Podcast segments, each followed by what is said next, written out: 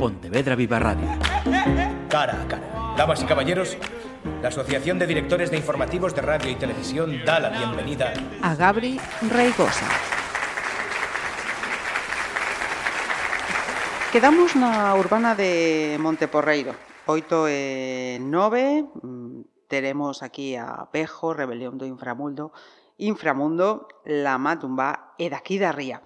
E imos falar con Gabri Reigosa, que é a voz principal e guitarra desta formación do Val Miñor. Gabri, bo día. Hola, bo día. Eh, días intensos para unha banda en pleno verán, non? Sí, días intensos e de moita de moitos que facer, esta verdade. Uh -huh. Mira, aproveitamos en entón para falar con con vos antes deste concerto en en Pontevedra. 2023 eh cumprís 20 anos polos escenarios. Que ten cambiado e que se mantén en daqui da ría nestes nestas dúas décadas? Bueno, eh, vamos a ver, claro, ten en conta que isto é unha banda que comezou no Instituto de Nigrán, non? Entón, o que máis ten cambiado eh, eh, é, é, son os membros da, da formación. Empezamos sendo un cuarteto, agora somos nove, nove músicos no escenario, máis seis técnicos. Entón, eh, hai moitas eh, moitas persoas que pasaron por aquí que formaron parte disto e que foron deixando durante a maioría durante anos pois moita parte da súa vida, non? A súa pele, E a verdade é que agora, cumplindo 20 anos, pois botar a, a vista atrás fai que, que te decates desas cousas, non? A cantidad de esforzo personal de cada unha das persoas que estiveron aquí vivindo con nosco esta, esta tolemia. Uh -huh. O que non cambiou, o que non cambiou, pois son algunhas das persoas que estamos aquí, bueno, dende o inicio só estou eu, pero xa hai outros tantos que levan 15 ou 10 anos comigo. E o que non cambiou tampouco son as ganas de, pois de seguir transmitindo as nosas ideas, os nosos valores, de seguir intentando que a xente pois por, sen esquecerse das problemáticas sociais que existen, pois tamén poida disfrutar de, da música e poder soltar un pouco tal vez esas malas sensacións pois a través de, da música e da, e de cantar e da raiva que por aí sae, no? Eu uh -huh. creo que ese espírito de guerreiro de aquí da Ría, pois eso permanece, eso non, non cambiou. Non muda. Pois uh -huh. Tal vez, tal vez se acrecentou. Eh, estades a actuar nun, nun ciclo de, de música urbana, eh, facedes ska, punk, mm, reggae musicalmente, se, se podemos encuadrarlo, pero coa particular, particularidade de, de, de esas letras con compromisos. Eh, en un momento agora, eh, fíjate, se si miramos a cando comenzabades, no? o que entón entendíase como música urbana, eh, e o que agora os máis novos entenden como música ou xéneros urbans que están en, en auxe. Eh, eh, vos como Como veis agora, este, este xénero, este uh, estilo dos, dos xéneros urbanos que, que parecen moito máis lixeiros do que sois eh, vosotros. Sí, eh, bueno, eu que, eh, a verdade é que eu de etiquetas musicais sempre tentei fuxir, Ajá. non é algo que, que comprenda te... moito. Eh, o que pasa é que sí que é certo que, bueno, eh, catalogar daqui da Ría como música urbana sí que é raro.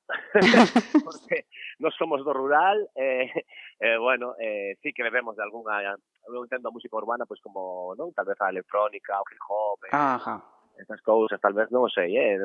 non xa te digo que non son moi estudioso de dos estilos, pero pero bueno, nos, o certo é que somos unha banda que bebe de, de diversos estilos, que intentamos mesturalos, intentamos eh, bueno, facer o que nos pida cada, cada canción, non? Entón, creo que non desentonamos desentonamos en todos os lados e tampouco desentonamos de todo en ningún. Eso está ben. claro. Entón, bueno, eh, eu creo que, que a música é música, eh, non é nin urbana nin rural sino que é música. Ajá. E eso é o que imos defender mañán en Montecorreiro. En Pontevedra. Outra das eh, particularidades de, de aquí da Ría. Tedes eh, letras en, en castelán, sobre todo nos comezos, tamén en galego, pero en moitas eh, linguas. E venéis a, a demostrar que cantar en galego non é un hándicap para ter público de, de, de fora de, de Galicia. Non, levamos demostrando iso moitos anos. Eh, nós somos unha banda que comezou cantando en castelán, porque era a lingua que se utiliza na nosa zona, eh, mayoritariamente, e non estábamos tan concienciados, non comprendíamos tanto a, a importancia da, da defensa no? da, nosa, da nosa lingua, da nosa cultura, nos inicios da banda eh, pouco a pouco, a base de militar en certos colectivos e de coñecer xente, decatámonos de que era moi importante dar ese paso, entón nos convertimos, eu creo que na primeira banda neofalante eh, do país, creo, non o sei, pero nunha banda neofalante, uh -huh. eh, decidimos dar ese paso. Eh, os medos que tiñamos, tal vez iso, nos tiñamos feita bastante carreira fora da Galiza, eh, tiñamos medo de que iso nos frenase, foi totalmente o contrario, non? eh, a situación foi que te atopabas tocando en Madrid ou en Extremadura ou e a xente estaba agardando as cancións en galego porque era o que lle, lle chamaba atención, non? É algo diferente, e, ao fin e ao cabo se tes vontade acabas comprendendo prácticamente todo uh -huh. e, e a xente pois demandaba eso. Entón eh, basta máis que comprobado, o sea, levamos oito anos, oito edicións do Viña Rock, por exemplo, cantando en galego, eh, cada ano facemos unha xira estatal en galego, eh, as salas responden guai, eh, eh, para exemplo, pois, pois eso, un dos exemplos de que a música galega pode exportarse a calquera lugar do mundo, pois podes dicir que tamén somos nós, claro. Uh -huh. Mira, eh, mirando e eh, buscando información sobre vos, eh, teño unha dúbida. Eh, dez discos, seis discos? me pillas. No, a ver, discos, discos, claro, eh, non o sei, eh? A ver, vamos a contar. Temos Fragasaurus Rex, El futuro nunca existió, Realidades alienantes, Utopías emerxentes, eh, o disco en directo, o EP, o collage, Eh, sí, temos sete discos de sí. estudio uh -huh. e despois temos eh, eh algúns recopilatorios e eh, cousas así, por eso uh -huh. igual eh, aí está a dúbida, sabes? De vale, vale, vale, vale, con, vale. con uh -huh. unha cifra, en outros temos un recopilatorio cando cumplimos 10 anos, un disco traducido a galego cando empezamos a cantar en galego, entón igual por eso que aparecen diversas referencias, números. Sí. O, o que non ten dúbida que eh, o máis recente é ese collage editado o pasado ano. Eh, como está funcionando máis nesta xira conmemorativa dos 20 anos, Gabri? Ben, collage, bueno, collage o presentamos o ano pasado, eh, e a verdade é que funcionou moi ben porque entendo que tamén o nacer en pospandemia, xusto aí nese momento no que aínda non se podía actuar ao 100%, pois eu creo que a xente tamén escoitou máis a fondo os discos, non? Que sacábamos. Tal vez agora sabes que neste mundo de inmediatez, pois a veces ti traballas dous anos para sacar un disco e o disco o, o, o teu seguidor ou a túa seguidora o escoita dúas veces el, ou unha vez. É certo. E logo e logo xa xa queda aí. Pi, pide que... o seguinte xa. Claro, sí, sí, rápidamente. Eh? Entón, eu creo que este, eu notei, sí que notei, que a xente o estudiara un pouco máis, ou tiña moitas ganas de que sacásemos material novo, pero, bueno, xa, desde os primeiros concertos que vimos coas cancións novas, eh, estaban sendo coreadas e tal.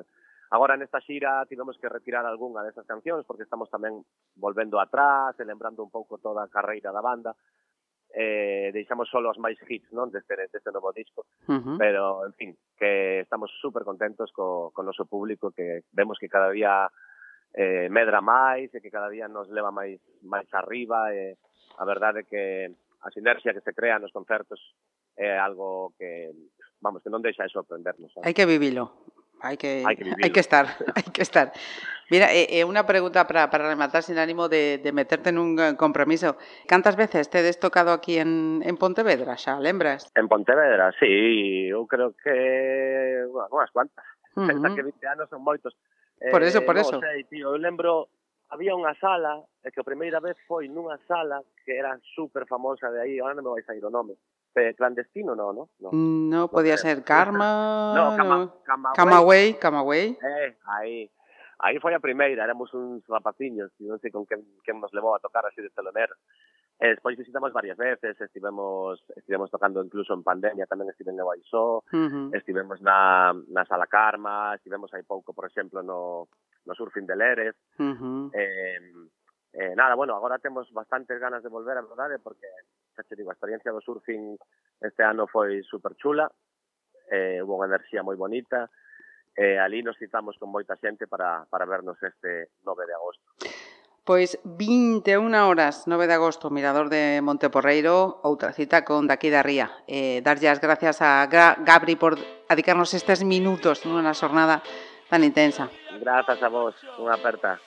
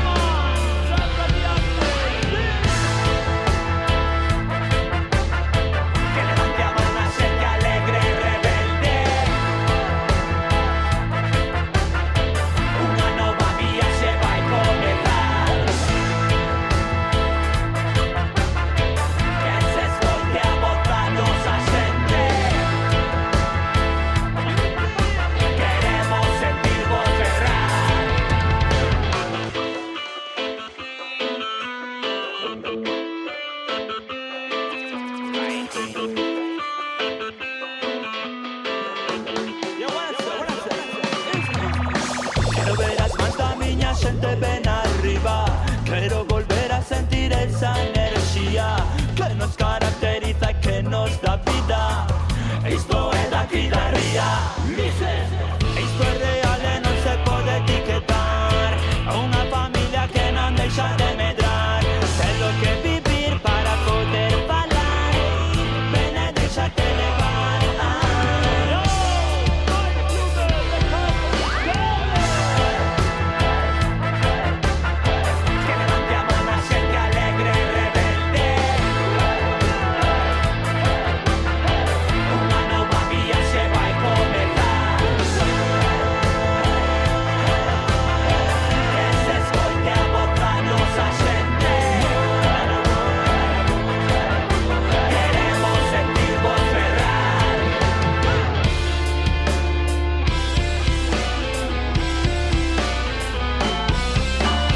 Pontevedra Viva Radio.